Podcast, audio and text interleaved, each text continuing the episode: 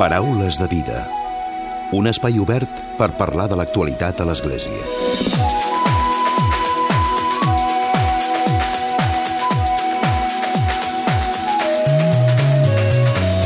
Què tal? Salutacions i molt bon dia, molt bon diumenge i molt bona diada de Sant Jordi. Avui, sens dubte, és un dia molt especial per sortir al carrer i per celebrar la festa del llibre i de la rosa. I avui, per nosaltres, també és un dia molt especial perquè parlem d'un aniversari dels 40 anys de l'associació Ítaca. Actualment és una de les entitats socioeducatives més importants, més potents de l'àrea metropolitana de Barcelona. Té el seu epicentre d'acció a l'Hospitalet, al barri de Collblanc, la Torrassa. Els seus orígens es remunten, però, a l'any 1977, quan un grup de joves van decidir que s'havia de fer alguna cosa a l'entorn del moviment juvenil que hi havia llavors a la parròquia dels Desemparats. Actualment, l'associació Ítaca està dirigida per Felipe Campos i es defineix com un centre pels nens, una entitat que dona resposta a les necessitats dels temps actuals. De fet, 2.000 persones participen cada setmana de les activitats que es fan. Ara ja pensen a celebrar aquest aniversari, aquests 40 anys, amb activitats durant el proper mes de maig.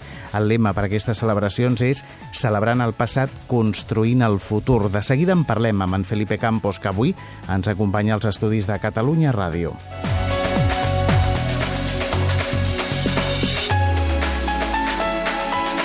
I com sempre, a la recta final del Paraules arribarà un nou comentari de l'actualitat de Francesc Romeu. Comencem. Felipe, benvingut novament al programa. Bon dia, Emili. Doncs és, és emocionant. Vull dir, estar, tornar a estar aquí, escoltar-te la presentació, perquè d'allò que estimes, no? quan algú l'escolta d'una altra persona, uh -huh. doncs sembla que l'estimes una mica més, no? I és, és molt emocionant estar aquí i t'ho agraeixo. Eh, t'ho he dit en la prèvia, t'ho diré aquí i t'ho diré a la post. per nosaltres és un plaer, ja ho saps. Uh -huh. 40 anys. 40, sí, sí, i, i penses, dona vertigen perquè són eh, 40 anys de moltes generacions de persones no? que han fet possible eh, des d'aquell moviment que en el 77 van decidir, no? és a dir, com a CJC, que era la comunitat de joves cristians de la parròquia de Sant Parats, com van decidir que no, no estava tot fet, que hi havia molta feina a la Torrassa i es van posar a fer passes cap a un futur incert però que ja porten 40, no? I jo crec que hi ha moments a la nostra història de claus, no? Eh, el 77, el 82, amb la constitució de l'associació, el 2002, no? amb aquest moviment també, diria jo, d'una clara transformació d'una entitat de lleure, de voluntariat cap a un compromís a l'acció social. Per tant, són 40 anys de, de generacions, de testimonis, de, de compromís, de, de fer de l'utopia realitat, és a dir, ja és, és molt emocionant i jo solament puc dir que, que per mi és un plaer. No? Ara deies, 40 anys, comença amb una previsió de futur incert, però d'un do no? Per tenir una, sí. un, una meta incerta, sí. s'ha arribat a molt, s'ha fet molt. Clar, per això el lema. Quan, quan ens reuníem, això és, el lema és de l'any passat, eh? ja l'any passat ja estaven molt nerviosos de, ostres, el 40 aniversari, el 40... Eh, hem, de, hem de poder fer com testimoniatge del que hem fet i sobretot del que volem fer. No? És a dir, jo crec que viurem un present bonic. Eh, de fet, s'està vivint, no?, el present Clar, bonic. Vull dir, jo crec que entre tots, entre totes les persones que hi formen part, tant de voluntaris, perquè el nostre espai de cap de setmana, el grup Itaca, està present amb una, amb una manera d'actuar molt similar a, a, la, a la que van fer els fundadors. Per tant, l'espai de cap de setmana molt vinculat a la, part, a la parròquia, a la comunitat cristiana dels desemparats, però després tots els projectes socioeducatius, no? Per tant, el present el viurem amb molta energia, però volíem fer doncs, això, no? un tribut també a la celebració del passat, de tot el que hem fet, i sobretot, Emili, volem projectar futur i sobretot, i ara m'has de permetre no, aquesta part d'un futur cap a la infància, no? una infància que els últims informes UNICEF, no? relativament fa poc, Save the Children abans de Setmana Santa, Càritas, està posant de manifest que ens estem carregant la infantesa. No? És una realitat molt dura, no? Molt dura i a més que jo crec que no som conscients els adults del que realment està patint la infància. I, hi ha molts percentatges, hi ha moltes dades, però realment, si posem al darrere de cada percentatge, i pot semblar demagogia, ostres, mira, no, no, és real, en un barri amb unes necessitats concretes, amb una població eh, que és castigada encara avui per la crisi, els infants estan deixant de ser nens, estan deixant de ser nens, és a dir, nens de 4 anys, Emili, són plenament conscients de la situació que estan vivint els seus pares. Quatre. Vull dir, t'ho imaginen. És a dir, quan tinguin deu, eh, tindran un bagatge vital, desgraciadament, eh, injust no? per la seva realitat. I com s'actua davant d'això, Felipe?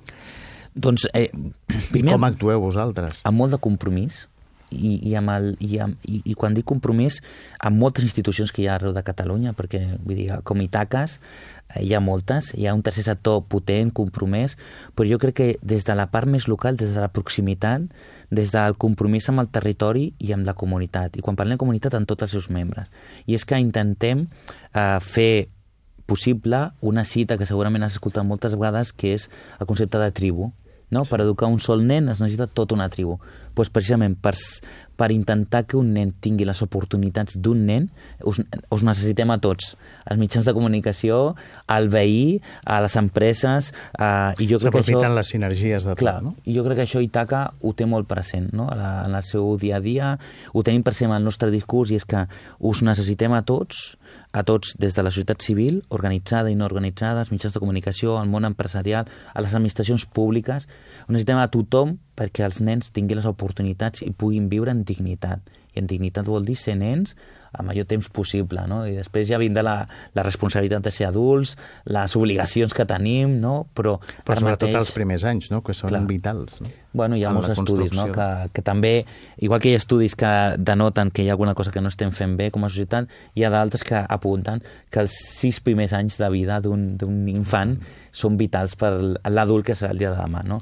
I a Itaca això ho tenim molt, molt present i intentem des dels quatre mesos que treballem amb nadons i amb les seves famílies fins amb els nostres projectes d'inserció laboral amb gent de 40-45 anys. Per tant, el nostre volum i, i bagatge doncs, són aquestes 2.000 persones que deies a l'inici.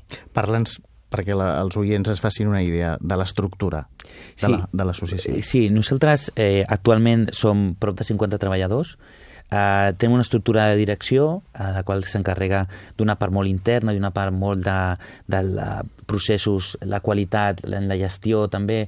I TACA jo crec que és coneguda per, per explicar molt a xarxes socials no? eh, què fem i com ho fem. De fet, en Felip és molt actiu a les xarxes socials. Sí, a l'Emili també.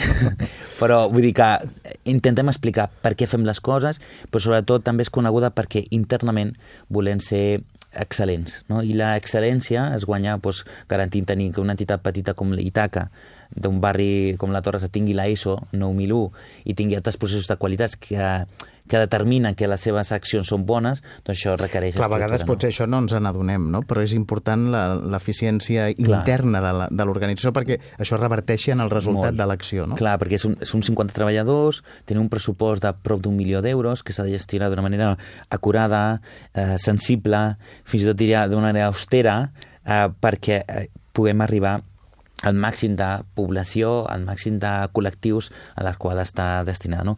El nostre equip, Emili, d'aquestes 50 són principalment educadors socials, educadors, treballadors, però una de les coses curioses és que també són perfils molt diferents. Tenim des de pedagogs, tenim eh, treballadors, historiadors, filòsofs, eh, tenim economistes, tenim molta gent de... de... És a dir, moltes sensibilitats, no? Clar, Diferents. I tot això abocada per això, no? Per, per aquesta dignitat, per aquesta oportunitat. I, I el que més orgull ens fa, no? que també tenim i conservem aquest, aquest esplai de cap de setmana eh, que és la part missional de l'entitat, és d'on va néixer tot, no? i és el grup Itaca, que és un, un grup de 12 joves voluntaris que continuen amb el mateix esperit de fa 40. Per tant, tot això és el, és, el, és l'equip humà... Forma l'embolcall no? de Clar, la, de l'associació. La que, que fa possible que, que cada dia ens aixequem amb la il·lusió i amb les ganes de celebrar el passat, però projectar un futur, un futur idíl·lic, però des de la millor part de les formes, que és que els infants doncs, siguin eh, ciutadans de ple dret i també d'oportunitats. No? Les realitats que gestioneu són molt difícils? Clar, vull dir, la Torrassa, mira, perquè els oients es facin una idea, eh, t'ho imagina't, eh, menys d'un quilòmetre quadrat, que són 0,86 quilòmetres quadrats, més de 60.000 habitants. Clar, vull dir, això és, és una... Ens comparen amb moltes zones de la Índia. La Torrassa, eh, a l'Hospitalet, aquí al costat. Està aquí al costat. Clar, imagina't, no? I allà tenim més de 122 nacionalitats diferents, amb, amb una diversitat cultural potent, en la qual doncs, conceptes com la família o l'espai públic doncs, el, eh, bueno, són, són maneres diverses de, de veure'l. No? I per tant necessitem... que tenim molt poc espai públic i, i això també és un factor, no? és a dir, els nens han de jugar, la gent, la gent gran ha de sortir a parlar. Clar, allà sempre diem una cosa, ens estimem molt o hi ha conflicte, no? i per tant, per això també, des de fa uns anys, Itaca té un equip d'educadors de carrer que treballa en l'espai públic no? per intentar, eh, entre tots, no? fer... Jo sempre dic que a la Torre hi ha moltes perles, i d'aquestes perles es necessita un fill perquè es puguin estar, no? I aquesta eh, potser sutilesa és el que intenta fer Itaca. Itaca no és una perla, sinó que és el fill en la qual posarem en ordre, posarem perquè tothom pugui tenir el seu lloc i ser protagonista. Has parlat abans de la complicitat de, dels diferents estaments o que formen la societat, les administracions també us donen suport, oi? Sí, nosaltres això bueno, ho teníem superclar, no? és a dir, el 2002, quan vam fer un, una reflexió profunda sobre què volíem ser de grans, eh, van, eh, vam ràpidament involucrar les administracions públiques, també a les privades. I és per això que Itaca, el seu pressupost, pràcticament el 60% és finançació eh, privada, i això també, Emili, és el que ha fet que Itaca, en els moments és més durs de la que crisi... diners... Eh, són donatius, són empreses a través de la responsabilitat social corporativa, corporativa. a través d'obra social, d'entitats de, com, com ara la Caixa, és a dir, la Caixa té un paper important al desenvolupament del, del programa de pobresa infantil que estem desenvolupant, o el projecte ICI, que és el projecte d'intervenció comunitària, eh, eh, la Caixa és, és un dels nostres partners no, més, més importants. I després el 40% d'administracions públiques, Generalitat de Catalunya, Diputació, Ajuntaments, i estem treballant també en finançament de l'Estat perquè entenem que no podem dependre única i exclusivament d'un finançador perquè si cau eh, pot caure tota la nostra institució. No? I és per això que sempre, des de que van començar a caminar com una estructura professional, amb un clar compromís amb la comunitat, vam diversificar les nostres fonts. No? Uh -huh. De fet, abans parlaves de moments eh, puntuals que han estat clau, no? Sí. que han estat el punt d'inflexió sí cap a un canvi, suposo que per mantenir l'ideari, però sí. adaptant-se també a la realitat del moment, no? Sí, sí. Jo crec que l'últim va ser el 2002, que va ser quan un grup de joves...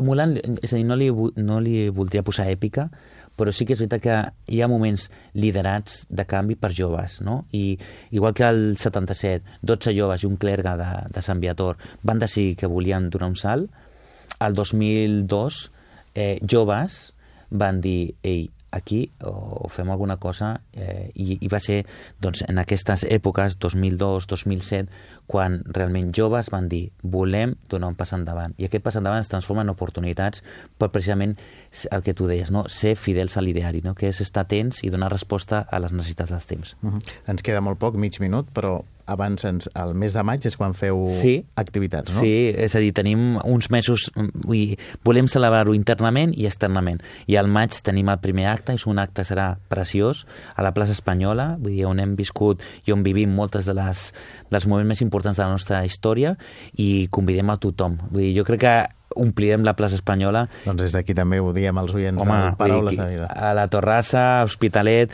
Eh, segurament serà el segon cap de setmana de maig, és a dir, però ho, ho explicarem a les xarxes socials, i després al juny, no? una sortida familiar. Volem omplir set o vuit autocars ah. per sortir tothom a la natura i viure internament què vol dir aquests 40. I després al novembre serà un acte més institucional, més polític, que bueno, estem buscant un teatre gran Hospitalet per omplir-ho, perquè tenim molta gent i aquesta aquestes 2.000 persones volem que siguin protagonistes. Perfecte, doncs Felipe, enhorabona, felicitats per aquest aniversari i segurament que vindràs novament al programa per explicar-ho. Emili, em fas sentir de la família i de veritat, i, i jo vull agrair-t'ho vull agrair-te i, i que estaré quan, quan vulgueu i sobretot gràcies per l'oportunitat d'explicar el nostre compromís a la Torresa. Un plaer. Paraules de vida. Un espai obert per parlar de l'actualitat a l'Església. I tot seguit arriba el comentari de l'actualitat de Francesc Romeu. Francesc, molt bon diumenge i molt bona Pasqua. Molt bon dia a tothom i també molt bona diada de Sant Jordi avui. Si mirem enrere i pensem encara en la Setmana Santa que hem passat, no podem deixar de recordar que la Setmana Santa del 2017 quedarà marcada pels tràgics atemptats contra els cristians coptes d'Egipte, el mateix diumenge de Rams. Però de tota la Setmana Santa jo us vull escollir una fotografia d'aquests dies. Aquest any, el dijous sant, el papa francès va tornar a imitar novament el gest de Jesús a l'últim sopar. Aquesta vegada, el papa francès va rentar els peus a 12 reclusos de la presó de Paliano, a la província italiana de Frosinone, a uns 60 quilòmetres de Roma. Entre els 12 presos d'aquest centre hi havia tres dones, un musulmà que es convertirà al catolicisme el proper juny amb el baptisme, un argentí i un albanès. La resta eren tots italians. Entre ells destacaven dos condemnats a cadena perpètua. Des de que va ser elegit papa Jorge Mario Bergoglio, ha continuat amb la tradició que mantenia quan ell era arcabisbe de Buenos Aires, de celebrar sempre la missa del dijous sant a una presó i de fer el signe del lavatori dels peus a uns presos. Ja en el primer any del seu pontificat va rentar els peus de 12 menors en una presó romana.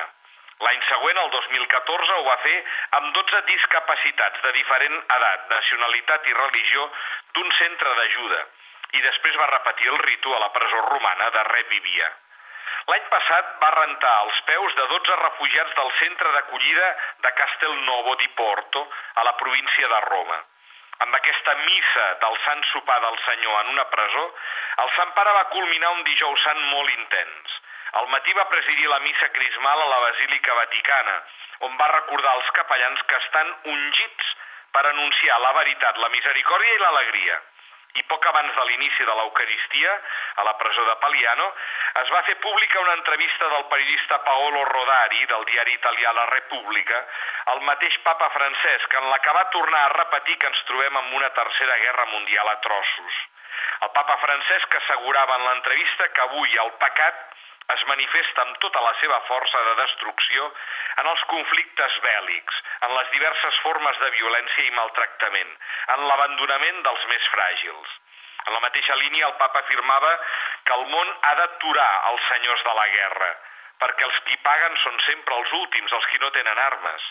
Coincidint amb aquest moment de l'any, és a dir, a les portes ja de la Pasqua, el papa comentava que ell pensa només a demanar amb més força la pau, per aquest món sotmès als traficants d'armes que guanyen amb la sang d'homes i dones. Recordem també que el papa emèrit Benet XVI aquest passat dilluns 17 d'abril, el dilluns de Pasqua, va celebrar el seu 90è aniversari, ple d'agraïment com Déu l'ha acompanyat sempre, també en les dificultats el papa Benet XVI va expressar tot emocionat que el Senyor sempre m'ha ajudat en les dificultats.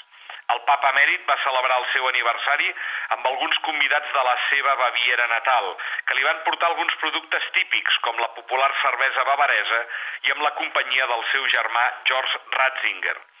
Encara que realment Benet XVI va complir 90 anys el diumenge de resurrecció, el 16 d'abril, ell ho va celebrar l'endemà, que més, aquesta vegada, era festa a Itàlia com a Catalunya. La celebració va tenir lloc als Jardins Vaticans, al voltant del monestir Mater Ecclesia, on resideix. El meu cor està ple de gratitud pels 90 anys que el bon Déu m'ha donat, va dir.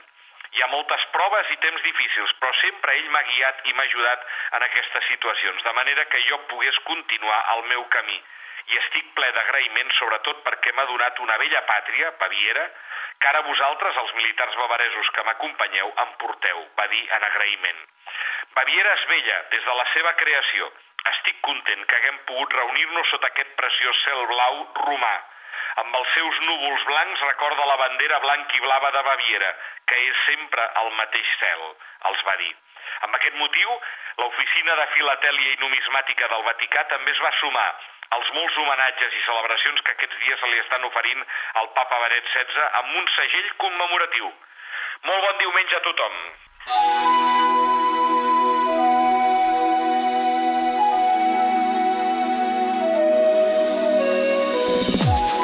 Fins aquí el Paraules de Vida d'aquesta setmana, d'aquest diumenge, diada de Sant Jordi, en Diego Monroy i en Miquel Boluda han estat al control tècnic i qui us ha parlat, l'Emili Pacheco. Que passeu bon diumenge i una molt bona setmana.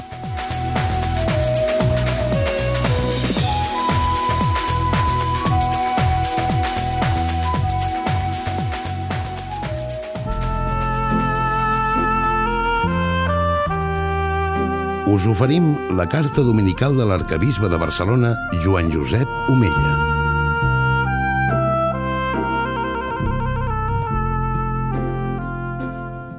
Déu vos guard. Avui celebrem la festa de Sant Jordi i el proper dijous la Mare de Déu de Montserrat, els dos patrons de Catalunya. Sant Jordi fou un màrtir molt venerat a l'Antigó. La tradició ens parla d'un soldat romà de l'Orient que es va fer cristià i morir com a màrtir de Crist en les persecucions del segle III. Des de l'Orient, la devoció a aquest gran màrtir, que fou anomenat el megalomàrtir o el màrtir per excel·lència, es va estendre cap a Occident, on avui continua essent el patró de molts països, entre els quals hi ha Catalunya. La llegenda de Sant Jordi és d'una gran bellesa. Sant Jordi és el cavaller que venç el drac i salva la princesa de les seves urpes. És una tradició molt emblemàtica que no significa que haguem d'anar amb la llança atacant els altres, sinó que ens indica la imperiosa necessitat de lluitar contra el drac, que no és altre que el diable. I ja sabeu que el diable a la Bíblia se'l denomina diabolus, que significa pare de la divisió. Però també la imatge de Sant Jordi, que se'ns mostra a la Basílica de la Sagrada Família amb el seu escut per defensar-se i protegir-se dels atacs als seus valors, per obrir espai a la veritat i respondre protegint les virtuts que provenen del seu cor gran i generós. Li demano a aquest gran sant que ens protegeixi que protegeixi Barcelona i Catalunya de totes les insídies del mal. Tot el que sigui oblidar-se dels pobres i petits. Tot el que no sigui construir ponts per a la comunicació i la comunió entre tots. Tot el que sigui faltar al respecte a persones i institucions és no seguir l'exemple del nostre patró, és no vèncer el drac del mal que ens aguaita contínuament.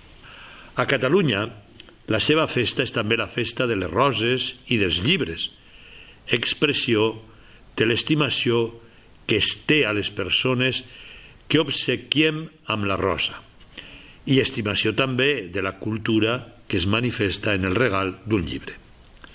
Pocs dies després de la festa de Sant Jordi s'escau la de la Mare de Déu de Montserrat. La tradició diu que es tracta d'una imatge que per motiu d'una invasió de la península va ser amagada en una cova de la muntanya, al lloc de l'actual Santa Cova, i que després hi va ser trobada per un pastor. I la tradició ens continua explicant que quan la volien traslladar cap a Manresa, la imatge va fer-se tan pesada que va ser impossible de moure-la del lloc on ara hi ha el santuari i el monestir benedictí i que allà es va quedar fins avui. Els nostres sants patrons ens han d'ajudar per tal que les arrels cristianes de Catalunya donin molt de fruit, sobretot, com a primer, el fruit de la fe. La primera de les invocacions de la visita espiritual a la Mare de Déu de Montserrat, escrita pel bisbe Torres i Bages, demana el do de la fe tot pregant. Diu així, Verge prodigiosa, tron puríssim on reposa l'eterna saviesa, quan vingué al món a ensenyar el camí de salvació. Aconseguiu per als vostres catalans aquella fe que enfonsa les muntanyes, omple els valls i fa planer el camí de la vida. Germans i amics, avui us animo a fer nostra aquesta preciosa pregària de Torres i Batges. Que Déu us beneixi a tots. Us hem ofert la carta dominical de l'arcabisbe de Barcelona, Joan Josep Omella.